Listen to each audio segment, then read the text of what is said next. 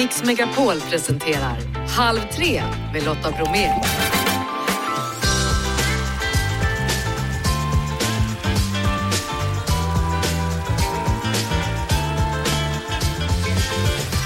Hallå där och varmt välkommen in i Mix Megapols Halv tre-studio. I dagens mix, ja då blir det såklart fredagshäng om veckan som gått och det som kommer. Nanne Grönvall, Oskar Arsjö och Ronny Larsson hänger här idag. Efter 15 så kommer Mikael Bindefeld som idag släpper sina memoarer. Sverigedemokraterna hotar att fälla regeringen än en gång, kräver att Sverige agerar mot EUs migrationspakt. Den största trädflytten har skett i Sverige, i Göteborg. Vart tog träden vägen då? Ja, vi har svaret efter klockan fyra. Och Mackan, det vill säga Matmarkus, han lär oss idag att göra falukorvskebab. Detta och mer i dagens program. Nu kör vi! Halv tre med Lotta Bromé på Mix Megapol. Jag säger välkommen till den första personen då i vårt fredagssäng. Vi börjar med damerna. Nanne Grönvall. Hej! Hur är läget? Du kommer med dina resväskor i full fart. jag ska vidare på gig direkt. Ja, det är oftast Men, så va? Ja, det är så, men det är härligt. Och så har jag precis punkterat ditt glada sommarhumör genom att säga att nästa vecka blir det snö. Ja, det droppar en liten stund där, men nu har jag redan vant mig vid tanken och känner att okej okay, ja. Eh, vi har också med oss då Oskar Arsjö, modeexpert. Välkommen! Tack så hjärtligt. Och det är du som dansar in i studion och säger, och det är sommar. Ja, det är sommar ja. och det är som min pappa brukar säga, fint väder till något annat är bevisat. Så jag tycker att det kommer att vara sol nästa vecka också, tills någon har motvisat oss. Ja, och idag så kunde man ju tänka sig att du skulle på Elgala, men du ska fira just din far. Ja, precis, det är ju alltid viktigast, det är trumf. Självklart, vi ska ändå hinna med att prata lite grann om Elgalan då. Här också Ronny Larsson, ganska hyfsat nyss hemkommen ifrån Eurovisionstaden Liverpool. Ja, precis. Har du hämtat dig? Jag har verkligen hämtat mig och jag vill bara åka tillbaka och det ska jag göra också. Ja, du ska åka tillbaka långt innan själva semifinaler och final. Ja, men jag vill uppleva allting på plats. Det är så fantastiskt fantastiskt härlig stämning. Fansen åker ju dit ganska tidigt och då vill man ju vara med från början. Mm. Och vara med från början, det ska vi vara lite grann idag då. Vi ska prata mellan alla andra ämnen som vi ska hinna avhandla här om de nordiska låtarna. Om du då som Mello-expert eller Eurovision-expert summerar årets nordiska låtar som helhet.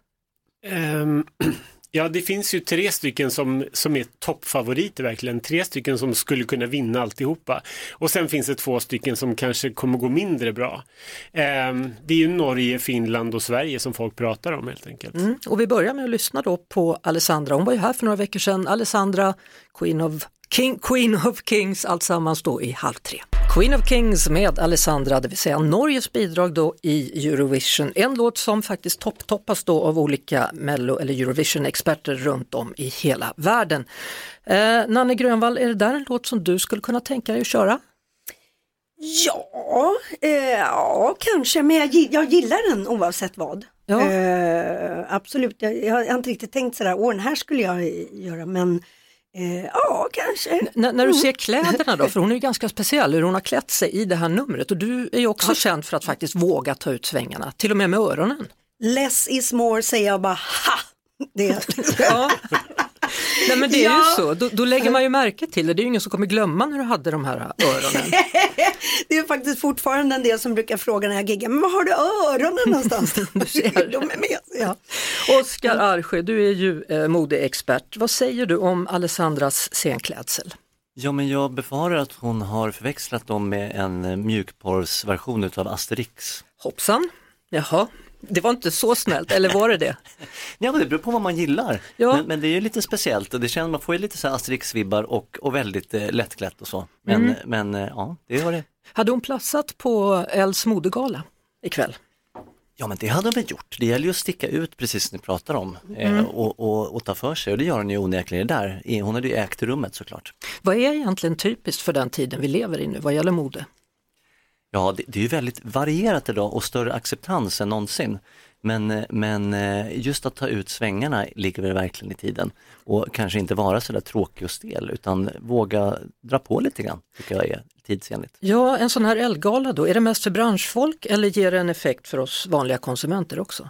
Nej men Elgalan har ju spelat en stor roll genom, genom åren för att just rikta strålkastarljuset mot modevärlden och modesverige och det tycker jag är välbehövligt. Mm precis som alla de andra tidningarnas eh, galer, Guldknappen, Damernas Värld och Café och King sida på här sidan. Eh, sen är det ju en ganska intern tillställning onekligen som blir mindre och mindre varje år. Mm eh, till skillnad från då till exempel vissa amerikanska motsvarigheter. Eh, och det är lite synd och, och kanske li, lite in, klubb för inbördes beundran. Jag skulle gärna se en liten breddning, en lite, lite mera eh, kommersiell touch och att få involvera den breda massan lite mer för jag tycker att det är så mm. kul och viktigt. På den här galan så utser man ju alltid då också årets bäst klädda man respektive kvinna. Har du koll? Vilka blir det? Ja, det där om eh, tvistaren lärde, det blir spännande. Jag hoppas att det blir du Lotta. jag är inte ens med, jag är inte ens nominerad, jag står här och är glad. Eh, Ronny, mm. tycker du att Loreen har rätt kläder på sig när hon intar scenen i Liverpool? Absolut, jag älskar hennes kläder, jag tycker att det är jättesnyggt. Hon vågar ju ta ut svängarna. Eh, och jag gillar det här att det är avklätt och tajt och kroppsnära utan att vara för mycket. Det är precis lagom och hon bär upp det med som pondus och stolthet. Men snacka om att hon verkligen har tränat inför det här. Hon hade ju någon slags mask för ansiktet när hon var ute och så hade hon tyngdbälte på sig när hon promenerade och sprang. Ja men det är så jag vill ha mina Eurovision-stjärnor, man ska ta det på allvar helt enkelt. Man ska ligga i hårdträning och veta vad som väntar. Det är det här som gör att vi kanske tar hem vår sjunde seger. Tror du det? Ja. Ska vi höra på den? Vinnarlåten? Ja. Där hade vi den, Tattoo med Loreen. Det är Fredagsäng du lyssnar till här på Mix Megapol. Fredagsäng med Ronny Larsson, Oskar Arsjö och Nanne Grönvall. Den är bra den där. Ja, det är underbart. är du som alla andra då säker på att hon kommer ta hem allt sammans? Ja, alltså jag, jag, det, det, finns många bra och balla låtar men, men alltså när hon kliver in och gör det här med hela numret eh, hur de sjunger och dessutom låten. Ja, nej, det, det, här är, jag ser redan framför mig att det här kommer arrangeras i, i Sverige. I Sverige, ja, på 50-årsjubileet blir det. Jag är redan där mentalt med ja. vad kommer det bli, hur Ja, det kommer bli exakt 50 år sedan som ABBA vann i Brighton. Så att det finns ju tecken liksom på Oj. att vi ska vinna, tänker jag. It's a sign. Mm. It's a sign. Eh, hörni, något helt annat då. Eurovision är ju en väldigt stor tv-händelse över hela världen. Eh, I Sverige har vi en väldigt stor tv-händelse som heter Den stora älgvandringen. Har någon av er koll på att säsong 5 är aktuellt och börjar på söndag? Rafflande. Och det är underbart. Du har sett det? Ja, jag har tittat på det och, ja. och sett att det hände absolut ingenting. Jag satt och tittade och jag tänkte nu då, och nu byter de kameran, då är det nog, nej. Men sen nej. har jag förstått att det händer ibland. Det händer ibland. Ja, men man vet alltså. inte när va, för det är älgarna som bestämmer själva när de vandrar.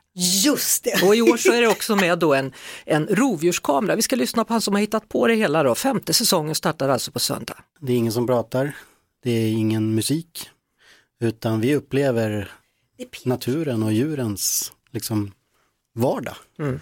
Och att man hittar någon slags lugn i det. Man får in naturen in i sitt vardagsrum och eh, det blir något meditativt samtidigt som det är lite spännande för man väntar ju på att något ska hända. Mm, man väntar på att något ska hända. Nanne, eh, Ronny du ser ut som ett frågetecken, har du inte tittat på den stora älgvandringen? Nej, men jag har inte tålamod för det. Jag håller mig till mina Real Housewives av någonting maratons istället där det skriks och bråkas. Det är ja. mer min grej. Oskar, har du sett det? Jag är väl inget fan sådär, men jag tycker kan man kan ju konceptutveckla och kanske spela lite grann på vilken älg som kommer längst fram och lite nya travet kanske, slow version av trav. Ja, men jag vet inte hur man ska sätta odds på något sånt. Alltså. Det, det vet man inte. Men du, du gillar det, fast det inte händer något. Ja, eh, det, det, är en härlig kontrast gentemot allting annars som mm. är i, i det mesta i livet idag med sociala medier där det visar mm. sig att folk byter oftast vare sig tv-kanal eller sociala medier och, och nya inlägg efter typ fyra sekunder. Mm. så tror jag kanske att någonting vi behöver. Eh, Benke Rydman är en känd svensk koreograf och han har detta år då varit med och eh, ja, fixat till den eh, finska eh, uttagningen till Eurovision. Bland annat då så var han med och kreerade då den finska så kallade Hulken. Jag tror verkligen att det här numret kommer att sticka ut. Och det är, liksom, det, det är väl själva liksom antitesen av Loreens snygga nummer. Liksom. Det är så roligt att du tror att det kommer sticka ut. Vi har alltså en människa som är helt grön, han håller på att äckla sig med sin tunga, han har lite så här volang-grejer på sig och sen plötsligt kommer det in tre cha-cha-cha-dansare, tiodans och allting slutar med att de åker något slags tåg, kryper på golvet och han är längst bak. det kommer Eller? sticka ut ja, det kommer sticka ut. Oskar, det kommer sticka ut eller? Ja, ja men minst sagt, det sticker ut lika mycket som hans taggar runt halsen där. Mm. Någon form av sadomasochistisk Hulken möter Let's Dance. Ja, på något vis. Och låten då? Jo, så här.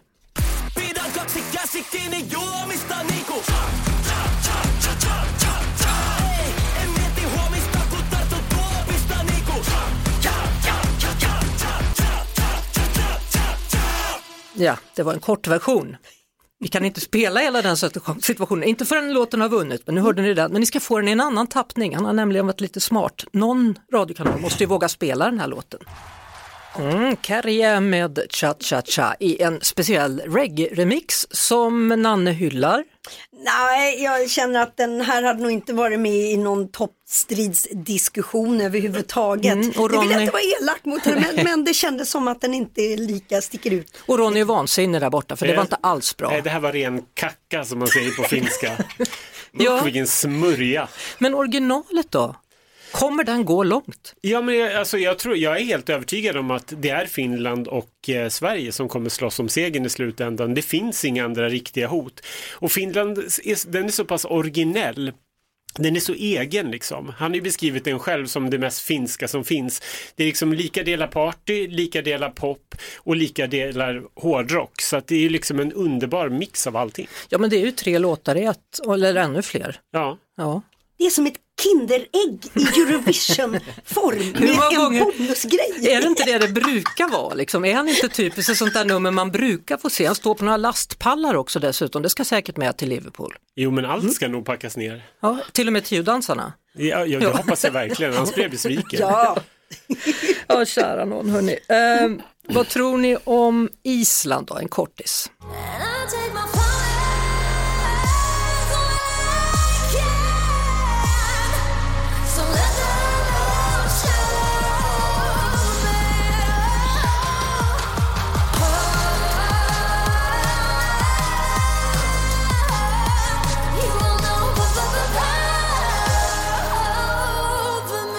Ja, det räcker kanske där, eller Ronny? Ja, här blir det väldigt tydligt att det inte kanske finns så många musiker på Island som kan få till det. Det var taskigt. Ja, men alltså, jag vet inte om man har uttömt hela liksom, musiklagret. De har ju haft några jättebra låtar och så skickar de det här som inte är, alltså gud vilken axelryckning. Mm. Är det här det bästa man kan få fram om man har en nationell uttagning dessutom? Det är lite synd om dem att det var covidåret när de hade det här super eller, de fick väl själva covid, var det inte så? De som var så himla bra, de där som hade den här konstiga dansen jo, med precis. långt hår. Första ja. året fick mm. de inte vara med, då hade de ju chansen att vinna alltihopa. Sen andra året när de fick chansen att vara med igen, då fick en av dem covid, så då var det bara några som fick vara med och tävla och då slutade de på en sjätte, sjunde plats tror jag. Mm. Vad eh, tillmäter du det där någonting, Island?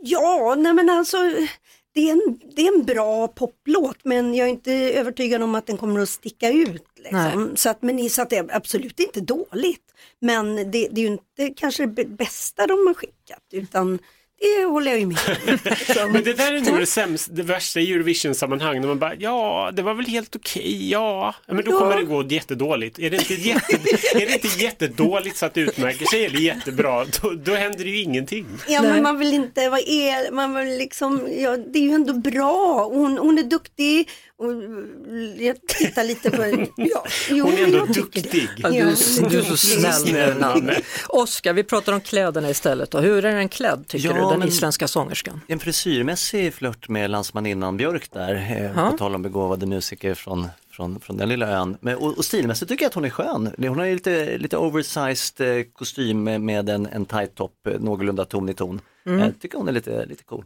Det här med kläderna, eh, Ronny, du som har sett alla Eurovision och, och även du då Nanne som har varit med i väldigt många. Eh, alltså vilken roll spelar kläderna? Jag skulle nog säga att det spelar otroligt stor roll. Eh, man vet ju själv, alltså jag som fan, när jag tittar på finalen som är över tre timmar och man tar sig igenom 26 olika låtar. Alltså jag kommer knappt ihåg vad som var i början. Så att det gäller ju att utmärka sig för tittarna som inte har samma genuina kanske Eurovision-intresse och då, då måste man ju ha någonting som gör att man kommer ihåg. Mm. Någonting som också stämmer överens med låten så att man inte sitter och stör sig som tittare på att men vad har hon på sig och så lyssnar man inte alls på vad låten handlade om. Mm. Men kan man liksom mm. egentligen blanda hur som helst? Ja men ibland kan det väl också vara bra då, om, om det är en sketlåt, någon eh, sådär, då kanske det ändå kan lyfta lite med, med rätt kläder. För om man fokuserar, som Ronny säger här då, oj man, man är så fokuserad på kläder, kanske det känns som att låten är bättre än vad den är. Det är absolut. Så kan det i alla fall, eller var i alla fall snygga kläder, eller fula kläder, ja. eller något. Ja. ja. Då vill man ju veta om Nanne någon gång har försökt att distrahera lyssnarna och tittarna. Mm, det vill vi veta, hur, hur är det med den saken? Berätta. Uh, jag, jag, ska nog, jag ska analysera lite ikväll. Där ni, du kan få mellan... analysera medan vi lyssnar på, mm. på eh, Danmarks låt. Ah. Där hade vi då Danmarks bidrag till årets Eurovision. Riley heter han med Breaking My Heart och han lär ha 10 miljoner TikTok-följare och är ursprungligen från Färöarna. Ronny, vad tillmäter vi den här låten för chans? Jag tror inte att den, den, har inte, den har ju noll chans att vinna skulle jag säga. Däremot har den stor chans att ta sig vidare för den är ju den i andra semifinalen som är jättesvag verkligen. Det finns bara en låt egentligen i den som alla pratar om och det är Österrike. Eh, I övrigt så är det ju bara en massa bös. Bös? Bös. Det var länge som man hörde det ordet, ja. massa bös. Nu serverar jag det denna soliga fredag. Ja, det var roligt att få höra det. Det var länge sedan man hörde massa bös. Oskar, vad har du för förhoppningar om Eurovision? Ser du fram emot detta eller skulle du hellre se en Elgala? Nej, men jag tycker att det är underhållande och inte minst om man har barn så det här är ju en familjetillställning. De är helt tokiga och det enda de gör är att springa runt och dansa och sjunga till, till Eurovision. Så det blir kul. De har ju verkligen tagit till sig, det första året för, för mina små knoddar och de har verkligen tagit till sig den svenska versionen. Så det blir kul att se om de blir lika exalterade över den internationella Eurovision. Ja, hur gamla är de? Fyra och sex. Ja, det är lite sent för dem då, för de brukar inte börja för nio va, semifinalen av det. Nej, det är precis. Det... Så du får väl se, du får vi banda annars eller? Ja, fast de, de sitter, det går inte att lägga dem ner när det, Nej, när det, det. det går inte. Eh, Nanne, hur laddade du inför Eurovision när det väl är dags så småningom? Eh, ja, eh, under Eurovision, men jag ska nog åka dit och festa lite. Till och med så? Mm. Jaha, ja. ni åker mm. tillsammans du och Ronny alltså? Eller ses där ja, i alla fall? Det är nog Kanske party ihop där. Vi kommer springa upp varandra i baren, ja, utan tvekan. Mycket mm. spännande. Mm. Ronny Larsson, melloexpert, Nanne Grönvall, artist och Oskar Arsjö, modeexpert. Stort tack för att ni kom hit och hängde denna fredag. Tack, tack. själv, Ha nu en fortsatt fin eh, ja, vår, sommar innan det börjar regna och snöa nästa vecka. Halv tre med Lotta Bromé på Mix Megapol. Nu kommer memoarerna, nu är det satt på pränt, Mikael Bindefelds liv. Boken heter Mannen, myten, minglet. Välkommen hit! Tack så hemskt mycket. En bok som du har skrivit tillsammans med Malin Roos. Hur har det varit att, att resa bakåt i tiden på det här sättet? Svårt. Ja. Jätte, jättesvårt och väldigt lärorikt. Ehm, jag märker ju att jag har under de här nästan 40 åren i mediavärlden skaffat mig ett språk som eh, inte egentligen är mitt eget men ett språk där jag inte berättar så mycket. Jag kryssar liksom runt allt som är på mörkt vatten eller grynder och skär så att jag slipper liksom eh, konfrontera eller berätta om viktiga saker. Ja, lite grann så. För många känner ju dig som festfixare och i mm. mångas ögon kan det te sig som en ganska ytlig värld. I den här boken så får man ju lära känna dig på ett helt nytt sätt. Ja, ehm, det har jag, jag har så svårt att se mig själv utifrån för det är ju, för mig är, har ju det här med att arrangera fester varit en, en ett, ett yrke, ett jobb mm. och alla de andra delarna har ju varit en naturlig del av mig. Nu kanske jag eh, har berättat mer om dem på, på ett annat sätt eller mm. för allmänheten. Ja, du har ju ditt stipendium då som, som också delas ut varje år. Mm. Så att där har du visat att, att det finns fler liksom lager. Mm. Mm. Men det har nog alltid varit en, en del av mig att jag har den där komplexiteten, att jag har eh, bredd och ett ganska stort spann på intressen och umgänge och att jag rör mig och alltid har faktiskt gjort sedan jag var liten relativt obehindrat mellan olika världar och mm. olika miljöer. Men du, det är så detaljerat är du som jag, sparar på allting eller? Allt. Ja. Alltså precis allt. För det är liksom minsta lilla grej, här har vi ett mm. brev och här har vi en bild och här har vi det. Ja. Och är det ett brev som är med i boken då, då, är det liksom, då har jag och Malin suttit och läst kanske, kanske hundra brev från pappa och mamma. Ja. Jag har sparat alla brev, alla gamla kärleksbrev har jag kvar till och med fantastiskt att gå och titta på dem. Alla, alla autografblock som jag har och sparat och sådär. Mm. Otroligt kul. Vilken autograf är du mest stolt över då? Enda konflikten jag hade, har haft med förlaget är egentligen just slagsmålet om autografen. Eh, jag insisterade på att ta med Birgit Nilsson som var en av mina stora idoler och hennes autograf fick jag slåss för lite grann men eh, förlaget och alla redaktörer insisterade på Jokkmokks-Jocke. Och det blev Jokkmokks-Jocke. Ja, och det är ju lite spännande. Varför just Jokkmokks-Jocke? Ja. När fick du den? Hur gammal var du då? Kanske 15 eller någonting åt det hållet skulle mm. jag tippa på. 16 kanske. Jag tror att min första autograf var Rockragge. Det är ja. också möjligt att Ulf Elving var med där i det hela, också Anna Öst. Anna Öst har ja. jag också och ja. Eh, Family Four. Och... Ja, du vet, det var de som får omkring där Absolut. på den tiden. Vi ska prata vidare om ditt liv och eh, nu dessutom då om en som du inte publicerar någon autograf av men som du har smugit in på och öppnat dörren hos. Vi hör mer om David Bowie strax. David Bowie, Life on Mars. Om mannen, myten, legendaren, mannen, myten, minglet heter boken, Mikael Bindefeld får välja. Och det får han ju. Den här låten och framförallt David Bowie har betytt mycket för dig. Mm, väldigt. Eh, på många olika plan, dels rent musikaliskt men sen så var ju han gränsöverskridande på ett sätt som Eh, innan jag själv visste att jag var gay än så, så, så spekulerades det ju väldeliga i vilken, vilket öra han hade ringen i och eh, rykten om honom och Mick Jagger och Mick Ronson och eh, ja, mm. alla olika saker. Så att det, nej, men det var en stor del av 70-talet. Honom har du inte träffat va, men du har i alla fall öppnat en dörr och tittat på honom och sen ja. åkte du ut med huvudet ja, för det. Ja, det kan ja. man verkligen säga. När jag trängde mig in där, han var ju min stora idol, idol på riktigt. Så det här är väl kanske 78 någon gång som jag trängde mig in på Park Avenue Hotel eh, och ljög mig in och pratade engelska och kom upp till de stora sviterna längst upp och öppnade en dörr och så satt han där. Och så blek ut? Eh, alltså genomskinlig, det här var ju Thin White Duke eh, eran så att han var mm. extremt blek och smal. Eh, så att jag var väl inne i hans rum kanske, mm, jag skulle tippa på en till kanske två sekunder innan någon lyfte ut mig. ja. ja. ja, kanske var lika bra det. Ja, jag det vet nog. Du, när man läser i alla fall så, så fattar man att, att du var ganska stökig liksom i tonåren. Ja, det där är nog, det där får man nog ta med en nypa salt. Stökig skulle jag, jag skulle säga att jag var extremt välartad. Mm -hmm. Men att jag kanske i en del av tonåren tog igen vissa att jag hade varit så otroligt liksom, eh, duktig och ambitiös och sådär. Mm. Eh, och sen så hamnade jag i en klass som var allmänt väldigt, för att vara en privatskola, var ganska busig liksom. Mm. Men, men, hade du också trimmad moppe och sådär? Nej, Nej, det hade jag inte. Jag hade, eh, jag hade en vespa. Ja. Vad gjorde du med den? Hängde? Ja, jag hade en exakt lika, en, en orange, knallorange Vespa Ciao. Mm. jag, som jag och min flickvän Marianne hade likadana. Mm. Så vi åkte runt med de där vesperna, framförallt sommartid.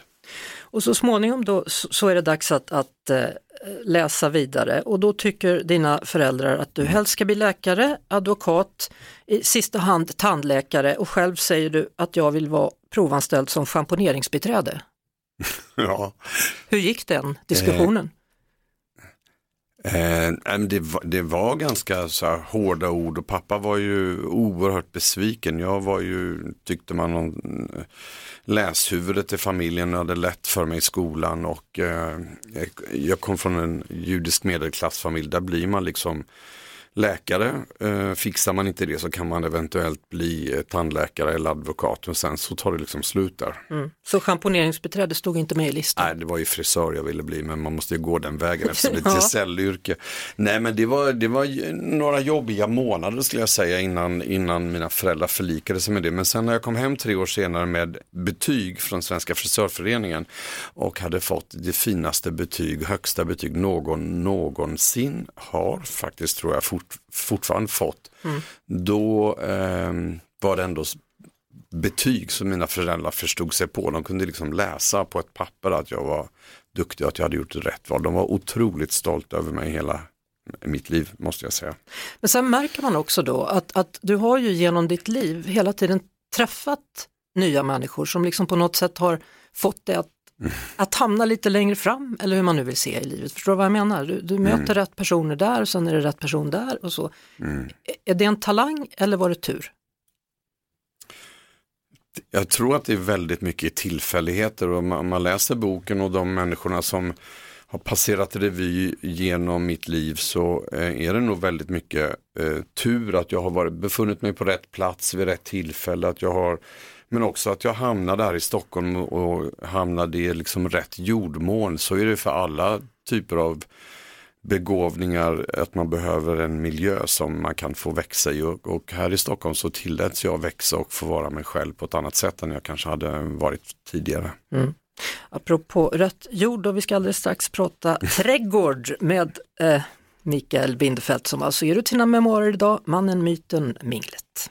Eh, vad, vad, vad, gör du en sån här fredag, Mikael Bindefeld som är dagens gäst och med anledning av memoarboken Mannen, myten, minglet? Är det Elgalan eller? Eh, precis, eh, eh, jag är Jesper i Elgalan och innan det ska jag försöka fredagsmysa lite med min son eller vår son och ehm, och sen ska jag signera böcker. Flera mm. tusen böcker ligger och väntar på att bli signerade. Så det ska jag ägna fredagen åt. Hur ser ett eh, fredagsmys ut hemma hos er?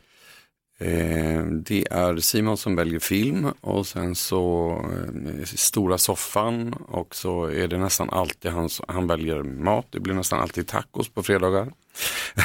Inte så ovanligt tror jag. Nej. Vi har ett, eh, försöker ha ett sockerfritt hem eller nästintill så att det är mycket popcorn och, eh, och sådana saker. Masked Singer borde han väl gilla eller? Ja, han älskar det. Ja.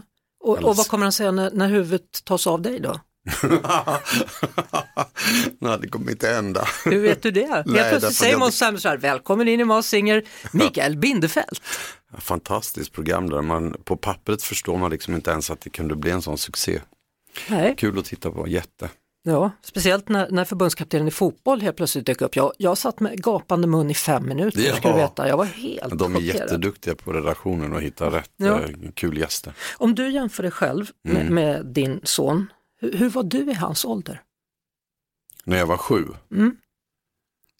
Eh, jag tänker ganska mycket på eh, när jag lämnar på skolan att han eh, är en del av en gemenskap och att han är liksom eh, inkluderad i killgänget på ett sätt som jag inte var och vad sport betyder för den gemenskapen eftersom jag inte var sportintresserad och framförallt inte fotbollsintresserad Nej. så var jag liksom mer eller mindre per automatik alltid lite lite utanför framförallt killgänget. Mm. Och när Simon, när jag lämnar Simon då kastar han sig in i den där eh, härvan och, och börjar spela liksom på en sekund så spelar mm. då spelar fotboll jämt. Hur känns det då? Du kanske blir fotbollspappa då så småningom? Nej, men jag blev väldigt lycklig av att se, jag har inte liksom reflekterat så mycket över det under åren. Eh, att jag inte var inkluderad och jag har inte reflekterat hur viktigt det där är, att mm. vad, sport, vad sporten betyder. När du var sju år så fick du, skulle jag säga i alla fall, då, ett väldigt, en väldigt viktig present. Du fick ett herbarium av din faster Gia. Mm. Det måste ha varit stort för du älskade ju växter.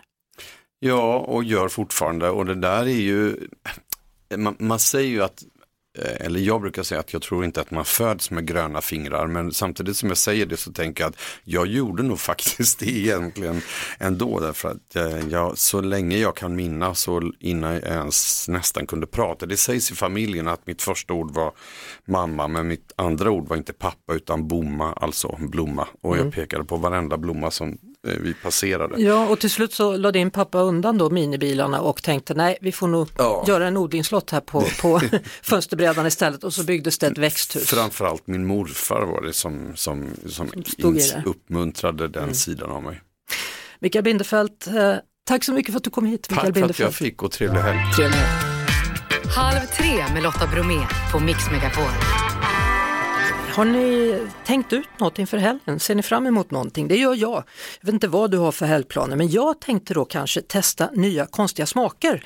Eh, korv och glass provade jag ju tidigare i veckan med Louise Lennartsson från Estraden. Men hon hade ju nu då tagit allt ett steg längre och testade något från sina följare.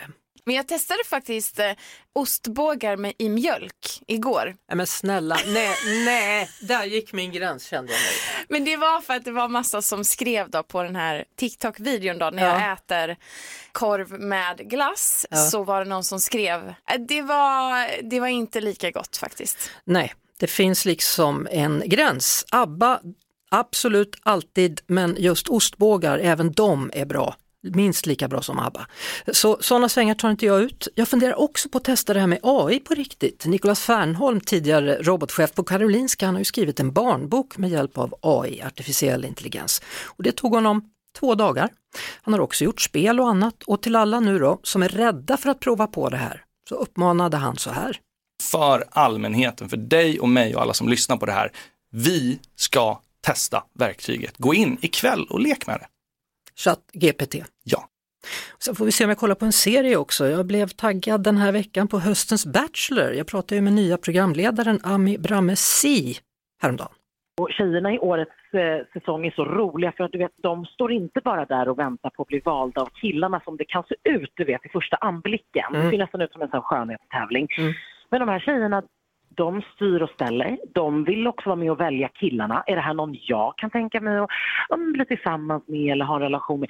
Och där fick jag ju vara med lite grann och ha de här klassiska tjejsnacken. Mm, så blir det alltså höst och så långt helgen. Vi är ju kvar ytterligare en timme här på Mix Megapol med bra musik och snart så ska vi kolla med Niklas Svensson om ett nytt regeringshot. Halv tre med Lotta Bromé på Mix Megapol. Och in i Halv tre-studion har han nu stigit Niklas Svensson från Expressen. Välkommen hit denna ja, vackra dag. Tack så mycket. Jaha du, har vi en ny regeringskris på gång?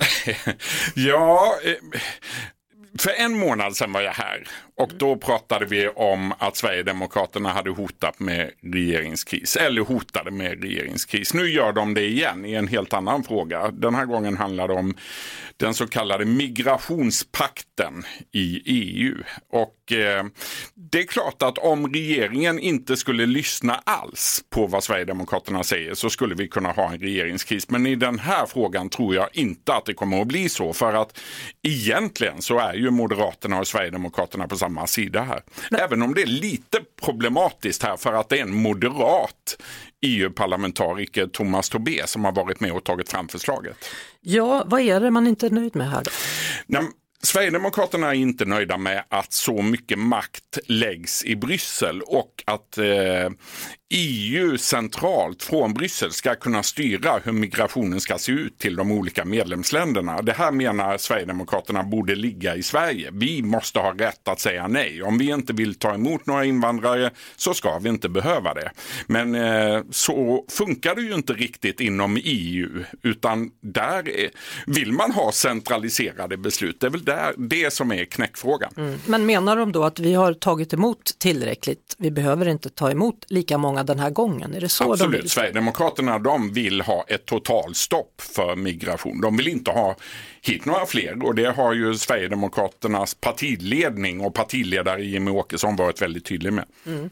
Jaha, då är det Tidöavtalet som än en gång då är i blåsväder. Så är det. Det är Tidöavtalet och eh, Jimmy Åkesson har ju bekräftat det nu då som eh, hans partikamrat Mattias Karlsson har uttryckt på Twitter att om det här förslaget blir verklighet och eh, regeringen ställer sig bakom det, då kan inte Sverigedemokraterna längre stödja regeringen. Mm.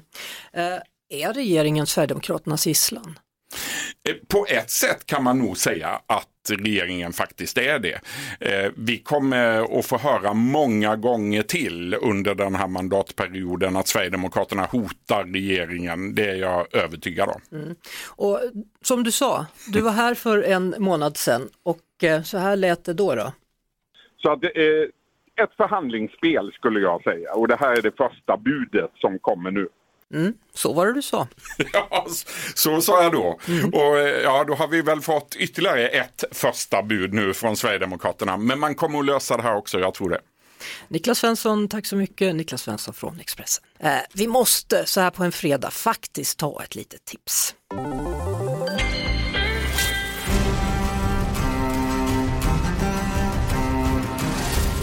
Det handlar Film och serier. exakt om detta när det är bytt är bytt och Niklas Svensson Expressen, innan du får springa upp till din redaktion så måste vi säga att du nu vet något som väldigt många är intresserade av. Du vet hur det är med de fyra nya avsnitten i serien Exit, den här ja, norska det ska, dekadens. Det ska väl komma sex avsnitt tror jag och det här är sista säsongen och jag har ju varit helsåld på säsong 1 och 2. Den här norska serien om miljardärer och rikingar i Oslo som lever ett fruktansvärt vidrigt liv och som beter sig vidrigt mot andra människor. Alltså jag, jag, jag har inte sett det här, helt ärligt. Och, och jag blir, så här, blir man inte generad när man säger att man älskar en serie som är vidrig? Eh, nej, jag blir inte det. Jag, det. Alltså skådespeleriet är fantastiskt. Manuset är fantastiskt. Det här har väckt väckt så starka känslor i Norge. Det här är ju den största tv-succén i Norge någonsin. Mm. Eh, och det här kommer att gå på export över hela världen, det är jag Mm. övertygad om. Det, det är så bra. Alltså Kalle då som, som jobbar med oss nu, han tittar ju också på den här serien och säger att den är helt fantastisk och han är ju Mm. snäll. Det känner jag i alla fall, du kan ju vara tuff ibland Niklas. Jag kan vara Men tuff. Kalle är jättesnäll och säger att han tycker om det här, jag vet inte. Nej. Man har missat något eller? Ja, du har definitivt missat något. Eh, hem och titta på säsong 1, 2 och sen så är det premiär idag då för sista säsongen. Och jag kan säga, den svenska skådespelaren Simon J. Berge, han gör ju, han gör ju en av sina li- livs bästa roller i den här serien. Han är vidrigast av dem alla. Ja, jag vet inte hur jag ska tolka det här. Jag, jag vill bara ge något mer till dig då. Du, Succession är igång, har du sett? Åh, ja! Om eh, Exit är eh, bäst just nu så är ju Succession näst bäst. Nu vet vi inte riktigt hur det slutar, vi ska inte spoila något där heller. Nej, men absolut inte. gud vad dramatiskt det är. Oj, vad dramatiskt det är. Mycket spännande. Ja. Tack då Niklas Svensson. ja, tack ska du ha Lotta. Man får bara cancer, man vet aldrig när man blir sjuk. Det var som att orden kom ur någon annans mun och inte min egen. Är det vårat barn vi pratar om, att det här verkligen har hänt? Ångesten åt upp en hel och levande. Att någon plötsligt blir sjuk, att ens barn blir sjukt, drabbas av cancer, orättvist, skrämmande och ett avgrundshål. Samtidigt som man som förälder måste finnas där och stötta. Hon heter Melina och är sju år. Hennes mamma är Jane. Och tillsammans med resten av familjen så har de besegrat cancern. I alla fall för nu. Oron den fortsätter ju. Vem snackar jag med? Jo, mamma och dotter. Nytt avsnitt ute nu av podden Vem snackar med Lotta? Finns på podplay.se eller i podplayappen.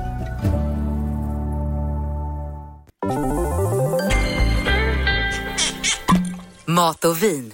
Då är vi tillbaka med Marcus Frank som har Mackans kost. Det heter Instagramkontot. Sambo, två små barn har gjort att du älskar att laga mat. Ja, jag eh, älskar mat som eh, funkar att få till i, i vardagen och som gör att det liksom pusslet går ihop. Ja, alla säger ju det. Hur ska vi göra med vårt vardagspussel? Ja. Du bevisar på ditt konto att det kan man faktiskt. Man kan laga mat. Det är inte lätt men eh, jag försöker göra liksom, enkla grejer, det ska gå snabbt, det ska vara få ingredienser som man kan ha hemma. Sen gör jag ofta mycket mat så att man slipper stå och laga mat kanske varje dag. Det är en, en eh, räddare för mig i alla fall, att man ibland kan ta fram den här lådan och, och värma maten istället. Mm. Det var så här, eh, matlådans dag här för någon månad sedan och, och då läste jag om en man som han lagar varje höst matlådor så det ska hjälpa honom ända in i, i våren. Ja. Ja. Jag kanske inte riktigt där men eh, det får räcka för upp till en vecka i alla fall kanske. Idag då så utlovade du förra veckan att vi ska få reda på hur man så här eh, fredagsmyser innan lön på ett billigt sätt. Mm. Vi ska göra falukorvskebab. Och det här var en grej som, eh, när jag la ut det så blev det väldigt, eh, skapade mycket reaktioner kan man säga. Det var många som tyckte om det och det var många som ja, inte hade så positiv spontan reaktion. Varför?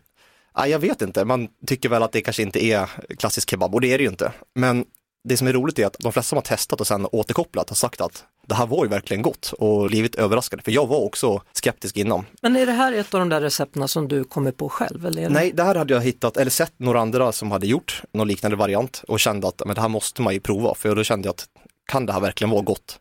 Så vi köpte en falukorv och så testade vi det och eh, ja, det blir otroligt gott. Det blir som en, eh, det blir som en riktigt smakrik kebab som, eh, ja det är toppen. Du får berätta, hur gör man då? Man tar en sån vanlig eh, falukorv och det funkar även med vegokorv om man föredrar det. Så tar man en osthyvel och så hyvlar man eh, tunna remsor. Just det. Mm. Mm.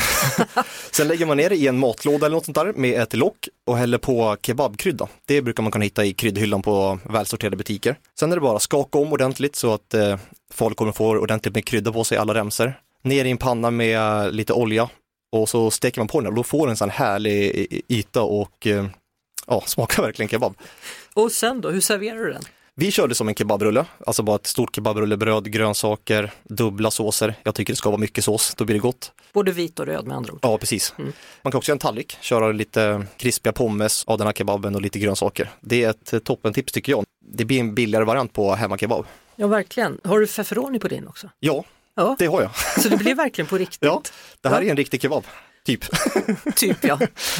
Vi hoppas att ni som lyssnar uppskattar det hela då och glöm inte gå in på Instagramkontot Mackans kost för där kommer det nya saker hela tiden.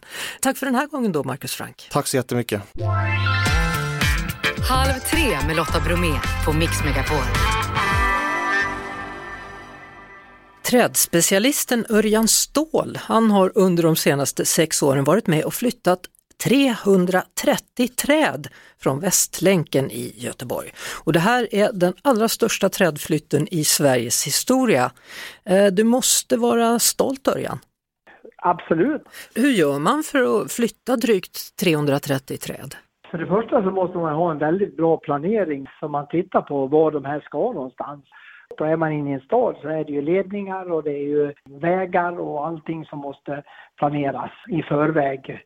Eh, annars så kan det gå tokigt att man klipper någon ledning så det blir svart eller något sånt. Så att, eh, Ja. ja det, det krävs planering kan jag säga. Har, har du flyttat träd förr eller? Ja, det första trädet jag var med och flyttade i, i större skala, det var väl 2008 någonstans. Så du har hållit på några år med att flytta träd?